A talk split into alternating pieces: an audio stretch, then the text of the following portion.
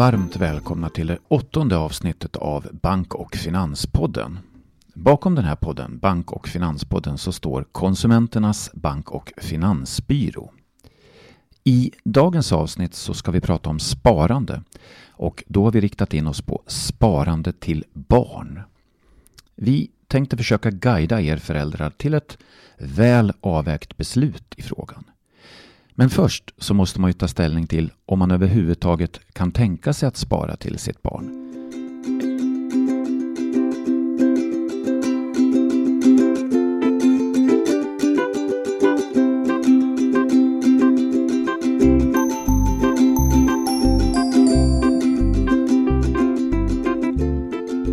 Jag heter Fredrik Pettersson och med mig i studion har jag som vanligt min kollega Eva Lindström. Hej Eva! Hej Fredrik! Idag ska vi ju prata om det här med sparande till barn. Och vi kommer att gå igenom frågorna, ska man överhuvudtaget spara? Man kommer till ett beslut ja eller nej. Om man kommer till beslutet ja, i vems namn ska man då spara? I barnets namn eller i ditt namn? Och sen så kommer vi att guida er genom lite olika sparformer. Just det. Och det här med spara till barn, det är ju aktuellt alltid hos oss på Bankbyrån, men det har skrivits väldigt mycket om att spara till barn på sistone. Eh, bland annat eh, så var det en bank som gick ut med en undersökning där de frågade 2500 föräldrar om de sparade till sina barn eller inte. Eh, och det var väldigt intressanta resultat. Eh, det visade sig att eh, man hade två inkomstgrupper. Så den grupp som hade lite lägre inkomster, de sparade eh, 44 procent regelbundet till sina barn. Eh, och de som tjänade lite mer, där var det hela 77 procent som sparade regelbundet till barnen. Kom man fram till något, eh, ska man säga, något snittsparande då? Ja, det finns lite olika siffror och då visar det sig att i den här gruppen så av de som sparade så var snittsumman som man sparade till sina barn per månad eller till ett barn per månad 575 kronor. Det är ganska mycket. Ja, och jag som själv har barn, jag vet ju vad barnbidraget är då och 575 kronor, det är ju så att då sparar man ju nästan ett halvt barnbidrag. Vi kommer ju gå in på det här lite mer att barnbidraget är ju inte, syftet är ju inte att man ska spara det, men den här studien, den här undersökningen ledde ju till att jag själv var med i en radiointervju i P4 och vi har även eh, blivit intervjuade inför någon tidningsartikel och sen har vi på Bankbyrån då varit med och tagit fram en informationsfolder som någon gång under 2019 kommer att delas ut då till nyblivna föräldrar via mödravården. Men om vi nu återgår till det här med sparande till barn. Det första man måste ta ställning det är ju om man överhuvudtaget kan tänka sig att spara. Och vad säger du om det Eva? Eh, ja, spara är ju någonting som man får bestämma sig för eh, om man vill, men också eh, efter förmåga. Kan man inte lägga undan pengar på lång sikt i alla fall, så det är klart att då, då, då blir det inget sparande och det är ingenting man behöver känna någon stress eller oro över, utan eh, jag tycker man kan spara efter förmåga och efter vilja också. Mm. Och i den här radiointervjun då fick jag en, en fråga som jag svarade, om man nu kanske inte har förmågan, så ja, jag kanske tycker det är bättre att man då investerar i tid med barnen. Har man väldigt lite pengar över, det är kanske bättre att man lägger den här hundralappen på, på att gå och bada på helgen än att man säger att man måste känna att man ska spara den. Så att valet är ju helt fristående, man gör det helt själv och man ska inte alls känna någon press på att spara eller inte. Nej, visst, jag håller helt med. Men om man nu kommer till den här slutsatsen att vi ändå vill spara till vårt eller våra barn, mm. då ska vi nu försöka guida föräldrar att kunna komma fram till ett bra och väl avvägt beslut om sparande. Och vad är den första viktiga frågan man som förälder då måste ta ställning till? Eh, ja, det är ju om man ska spara i sitt eget namn, eh, men tänka sig att sparandet går till barnen. Eh, eller om man helt enkelt direkt ska spara i barnets namn, öppna konto i barnets namn. Då kan vi egentligen säga spara i ditt namn i eget namn eller spara i barnets namn. Vad finns det för fördelar med att spara i sitt eget namn? Man kan säga att då har man själv kontrollen över sparandet, vilket betyder ju att eh, du kan ge pengarna till ditt barn när du vill. Du kanske inte tycker att eh, det känns rätt att göra det på 18-årsdagen, utan kanske lite senare. Du kan ju också bestämma att eh, du ger barnet delsummor då och då. Så att du bestämmer och styr helt, helt över pengarna själv. Mm. Finns det någonting man bör tänka på om man har valt att spara i sitt namn? Ja, det man kan tänka på är att man kan behöva komplettera med testamente. För att eh, skulle man avlida innan barnet hinner få pengarna, då kommer ju pengarna hamna i det allmänna dödsboet och då går de inte till det barn man har tänkt sig. Nej, så om jag då har ett sparkonto och jag inte har skrivit i mitt testamente att sparkontot X, det ska gå till barnet Y, då kommer det alltså gå till efterlevande eller kanske till båda barnen om jag inte har någon partner då, eller om jag är sambo. Ja, det är så det blir. Mm. I det andra läget, om jag då väljer att spara i barnets namn, vad kan du säga om det? Ja, då är det ju så att eh, eh, pengarna blir ju då barnets direkt. Eh, I och med att du sätter in pengarna på barnets konto så är det en gåva som är, ja, du kan inte ta tillbaka den gåvan. Eh, det betyder också att eh, barnet får ju själv eh, till full tillgång till pengarna när han eller hon fyller 18 år, när man blir myndig. Så då kan inte du längre ha någon som helst synpunkt på, på, de där, på det där kontot eller de pengarna. Så du kan inte ta tillbaks pengarna under Nej. tiden. Och just det där med tillgängliga vid 18 års ålder, det är ju en av de vanliga frågor vi får kring Spara till barn. En, en förälder som då är lite orolig, barnet är 17 år, de tycker att det är lite oansvarigt och sen ringer de till oss för banken har sagt nej. Du får inte ta ut pengarna och göra någon omdisponering. Var, var, varför säger banken så? Ja, det är därför att pengarna hör till barnet. Barnet är ägare till pengarna och du som förälder, du ska ju förvalta, ta hand om pengarna på ett bra sätt fram till 18-årsdagen. Eh, och det betyder också att eftersom pengarna hör till barnet så får inte du ta tillbaks dem. De är låsta. Mm. Och det här är ju också en vanlig sak att en förälder säger Nej men det är ju jag som har satt in pengarna. Det är ju mina pengar. Ja, väldigt vanlig, eh, vanlig fråga hos oss och eh, många har lite svårt att förstå det. Och man tycker att ja, men det är ju ändå mina pengar och det är mina barn och, och mitt hushåll och så vidare. Men det är en en eh, skiljelinje där. Så att det här, det här är jätteviktigt att faktiskt veta och bestämma hur man vill ha det innan man öppnar kontot. Mm. Men om jag då har valt att spara i barnens namn, vilka möjligheter har jag att ändå använda det här kapitalet? Ja, som förälder så bestämmer ju du över eh, hur du ska, ja, så att säga, eh, ta hand om ditt barn. Eh, så det betyder ju att eh, barnets pengar kan du ta ut i vissa fall, men då ska det vara pengarna som går till nytta till barnet. Det får inte vara till familjen eller till någon tvättmaskin eller något sånt, utan det ska vara till nytta för just det här barnet. Så någon, något hockeyläger eller ett ridläger eller en språkresa, sådana saker skulle man då kunna använda det här sparade kapitalet till? Ja, det är nog bra exempel på sånt som är till nytta då för barnet. Mm.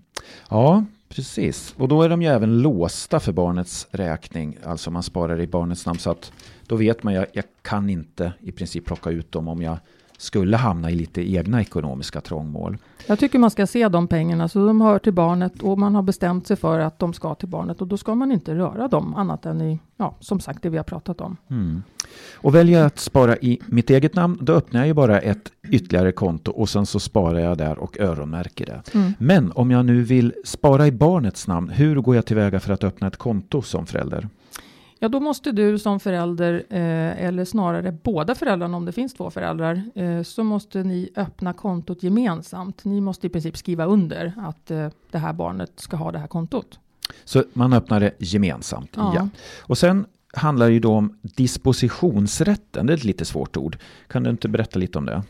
Ja, att disponera kontot det betyder ju ta ut pengar eller kanske flytta om det eller olika saker eh, vad det nu handlar om. Eh, och då kan man antingen, eh, som grundprincipen är ju då att är man två föräldrar så gör man allting gemensamt. Man måste vara överens. Mm. Och då man, behöver man alltså ha en Antingen att båda skriver under alla avtaldokument eller att den ene har en fullmakt från den andra. Då. Ja, precis. Man kan ju bestämma från början att Eh, vi ska kunna disponera det här kontot var och en för sig utan att fråga den andra. Men det måste man bestämma då tillsammans från början. Mm. Och det kan då vara bra att tänka på hur kommer det bli i framtiden. För att om man nu skulle separera eller skilja sig så kan man inte som enskild kontohavare då ta tillbaka och ändra den här dispositionsrätten utan då måste man göra det gemensamt, eller hur? Ja, precis. Så att hade man då bestämt från början att man har dispositionsrätt var för sig och sen blir man osams, mm. då kan det ju bli så att det kommer att fortsätta vara så. Det kan väl kanske leda till ännu mera intriger mellan två parter. Jo, det är klart det är någonting som man bör ha i åtanke som sagt. Och, och för ofta fortsätter man ju ha gemensam vårdnad eh, fastän man separerar. Mm. Och då är man fort, fortfarande eh, tillsammans ansvariga för barnets pengar. Ja. Om vi då säger att en far eller morförälder skulle vilja öppna ett sparande till sitt barnbarn, men de vill då öppna det i, i barnets namn. Hur går mm. de tillväga? Eh, då måste föräldrarna godkänna att de öppnar kontot. Eh, och det kan man ju tycka är lite konstigt. Men det är ju så här att barn kan inte bestämma själva över pengar så länge de är omyndiga. Eh, inklusive faktiskt att ta emot en gåva. Och det är därför som eh, föräldrarna behöver godkänna att någon annan öppnar ett konto till barnet. Mm. Så den första frågan då är avklarad. Vi, vi har bestämt oss för att spara och vi har kommit fram till i vems namn vi ska spara. Då kommer man fram till syftet med sparandet och här kan ju vara Ofta när man pratar om sparande till barn så känner jag i alla fall att man pratar om det här långsiktiga sparandet. Att man ska lägga pengarna på hög. Man ska spara till framtida bostad, en bra start på vuxentiden. Man ska spara till körkort eller andra saker. Men man skulle även kunna se det så här att jag har ett kortsiktigt mål med mitt sparande. Jag kanske inte har så stor ekonomisk möjlighet men jag ska köpa en cykel till barnet nu till sommaren och då väljer jag att kortsiktigt spara till den. Hur ska jag då gå tillväga? Eh, ja, då ska du ju ha pengarna eh, lättillgängliga. Eh, det här är ungefär som vi har pratat i ett annat avsnitt om det här med buffertsparande, eller man sparar till något, någon tänkt mål. Så att då ska du ju spara ditt eget namn förstås, för att du ska kunna ta ut pengarna. Och sen ska du ju spara på ett konto som, som har fria uttag faktiskt, så att du direkt kan, kan ta ut de pengarna när du ska ha dem. Mm. Och så att man har alltså många olika syften. Kortsiktigt syfte, man ska köpa en sak man kanske ska köpa det här hockeylägret eller någonting. Eller så har man det här långsiktiga. Det kan ju vara hela 18 års tid. Och när man sparar långsiktigt då, hur skulle du råda då att man sparar? Hur och hur ofta? Eh, ja, man brukar ju ofta säga att det är bra att spara regelbundet. Eh, en gång i månaden, som ofta kan det vara. Eh, och att man eh, gör det automatiskt på något sätt genom en stående överföring eller autogiro eller något i den stilen. Kanske att man eh, när barnbidraget kommer in så har man en överföring eller när lönen kommer så sparar man på det sättet regelbundet. Mm. Det blir automatiskt. Ja, och då när du säger att spara här den 20 när barnbidraget kommer, då såg jag i, i sociala medieflödet i den här P4 intervjun jag var med i att det var många som tyckte det var väldigt konstigt att man använde barnbidraget att spara. En del tyckte att det skulle inkomstprövas och liknande. Men rådet är i varje fall här hur ofta och regelbundet. Ja, eh, och det som är bra med regelbundet är att man inte behöver tänka så mycket på det och pengarna försvinner. Men samtidigt eh, kommer vi tillbaks till det här med att man kanske inte kan spara varje månad. Man kanske inte har förmåga att lägga undan pengar hela tiden.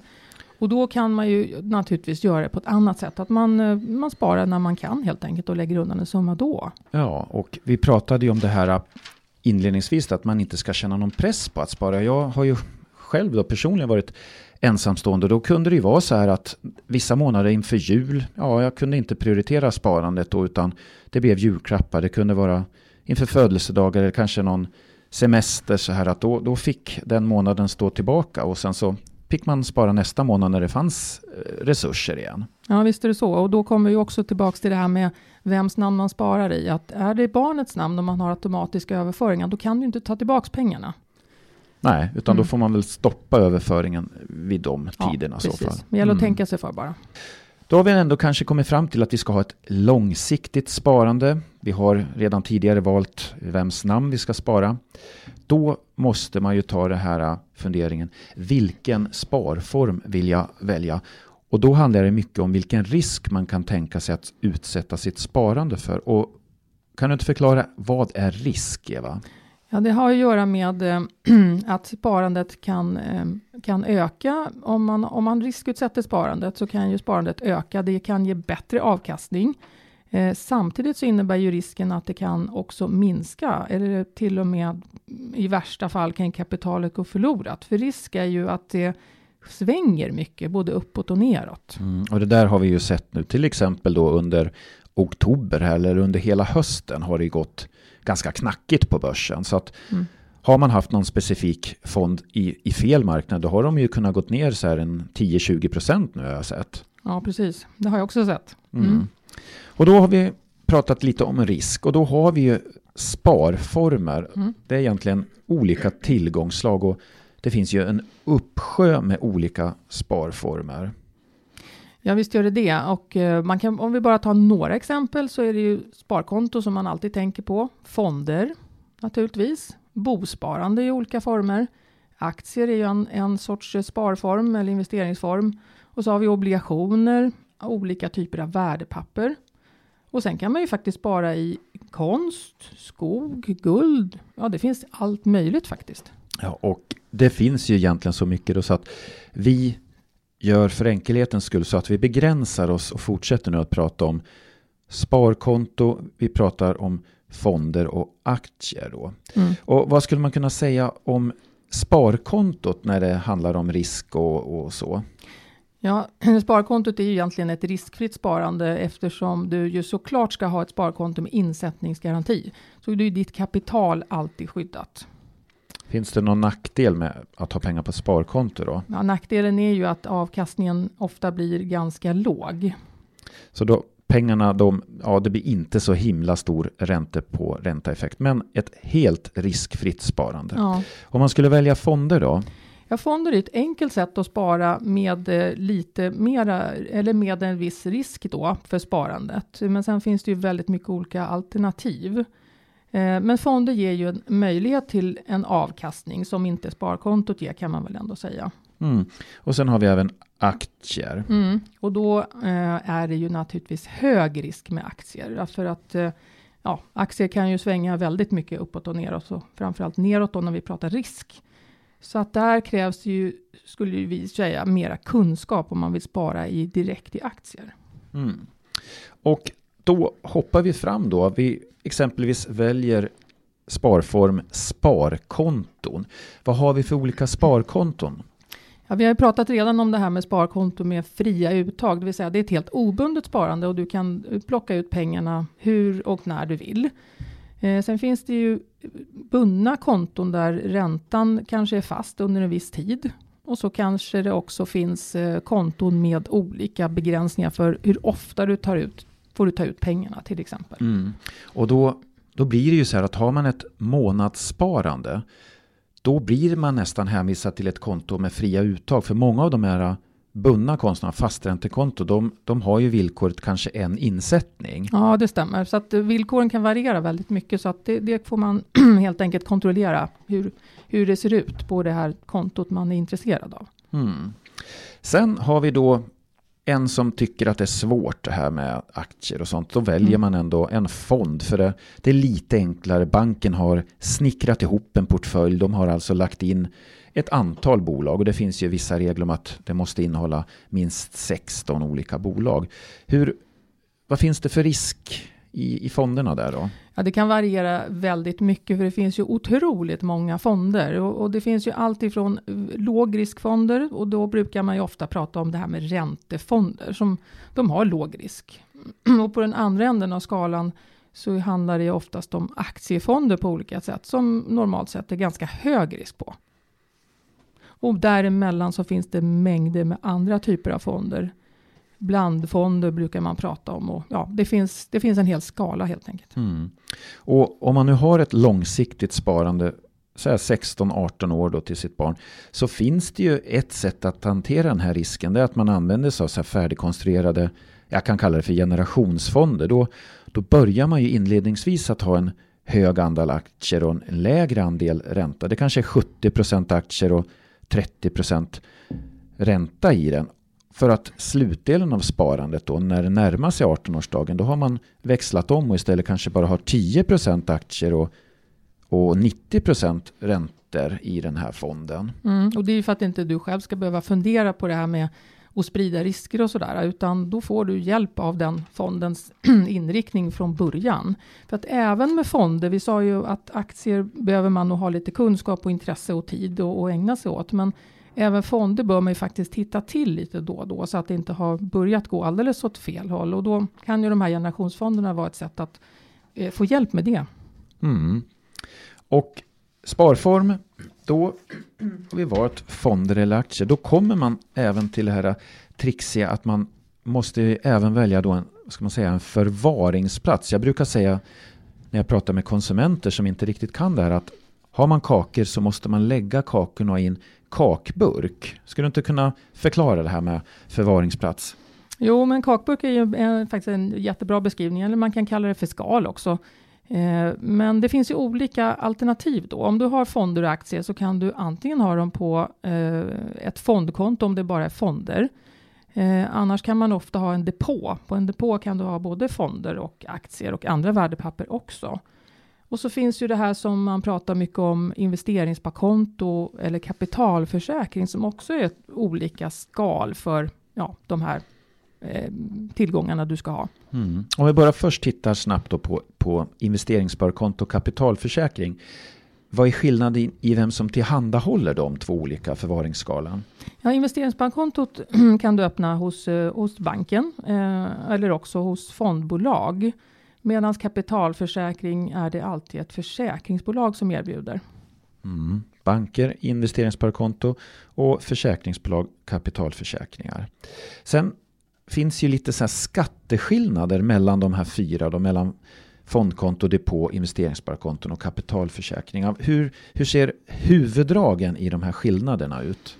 Ja, det handlar om hur ofta du betalar skatt eh, och på vilket sätt du betalar skatt. Om vi börjar då med fondkonto eller depå, då fungerar det så att så länge du har dina fonder eller aktier liggandes på det där kontot och inte säljer någonting med vinst, då betalar du ingen skatt alls. Så har du dina fonder stående på ett fondkonto i tio år så betalar du ingen skatt under den tiden. Okej, okay, ingen skatt alls. Nej. Men vi säger att jag kommer fram då till det här efter tio år att jag vill sälja och fonderna de har gått upp, vi hittar på nu från 10 000 till 20 000. Vad mm. händer då? Men om du säljer alltihopa så har du ju fått en vinst då. Eh, och på den vinsten betalar du 30% skatt. 30% i skatt på mm. den. Och, och om jag hade haft motsvarande i investeringssparkontot kapitalförsäkringen, hur hade det sett ut då? Ja, då är skillnaden den att då betalar du istället eh, löpande skatt varje år som dras automatiskt. Det är inte något som du själv behöver räkna ut förstås. Utan eh, man räknar ut eh, ett värde på din, ditt investeringssparkonto till exempel. Och på det värdet så betalar man en skattesats. Och det betyder också att när du sen säljer så småningom så då är det redan skattat och klart. Mm. Och det här kan ju också vara en fråga hur aktiv man har tänkt sig att vara. För att som jag förstår det då, om man gör en försäljning om man har fonder på ett fondkonto, då måste man deklarera och så. Ja. Men om jag har ett investeringssparkonto så kan jag ju handla lite fram och tillbaka utan att jag behöver lägga så mycket tid på det. Mm, precis, det utlöser ju ingen skatt utan du kan, eh, ja, du kan eh, köpa och sälja eh, hur mycket du vill så att säga. Det blir ändå bara en skatt per år och du behöver inte deklarera det särskilt. Så att det är ju ett enkelt sätt att ja, handla med eh, fonder eller aktier. Och vi, vi ska väl inte lägga fram någon av de här lösningarna före någon annan utan då får man egentligen sätta sig själv och räkna på vad man tror är mest fördelaktigt. Och sen är det ju alltid så att de här skattesatserna det är ju som de är idag. Man har ju ingen aning om hur makthavarna kommer att ha framöver då. Så att just Nej. nu har det här investeringssparkontot varit ganska fördelaktigt har jag väl ändå förstått. Mm. Jo, man, man bestämmer ju en skattesats varje år som varierar en del. Ja, och då har vi ju egentligen pratat om de här sakerna. Ska man spara? Vi har tittat på frågan vems namn ska jag spara? Ska jag välja att spara i mitt eget namn? Det gav en del fördelar, men man behövde komplettera med testamentet. Eller skulle jag spara i barnets namn? Ja, vad var det för något som hände då, Eva? Ja, man kan säga att det är oåterkalleligt. Har du bestämt dig för det så går det inte det att ta tillbaka. Det går inte att ändra. Sparar du ditt eget namn kan du alltid ändra dig och eh, ja, öppna konto till barnet då. Just det, så att då glömde jag egentligen säga att, att sparar man inte från barnets födsel då kan man ju alltid börja spara när man så känner. Men då när vi var på den här frågan att om jag då väljer att spara i mitt namn då kan jag ju också ändra under spartidens gång till att spara i barnets namn. Jag flyttar över pengarna. Men har jag då valt att spara i barnets namn som Emma säger, då kan jag inte, som en del föräldrar tror, plocka ut de pengarna. Nej. Och sen har vi pratat lite om de olika sparformerna och har jag då valt fonder och tycker att det känns lite skakigt, jag tycker det är läskigt, då är det bara att ta, säljer man av fonderna och stoppar in pengarna på ett sparkonto. Eller tvärtom att man har haft pengarna på ett sparkonto och tycker att nu vill jag nog ha lite högre risk, ja då kan jag ju investera i fonder eller aktier. Ja, precis. Det går i andra helt enkelt. Ja, och även skalen där jag förvarar de här produkterna i går ju att ändra. Att man kanske har haft ett fondkonto men man väljer att avsluta det och istället förvara pengarna då eller investeringarna i på ett investeringssparkonto. Ja. Finns det någonting mer du skulle vilja säga om sparande till barn? Är det någonting du tycker vi har missat?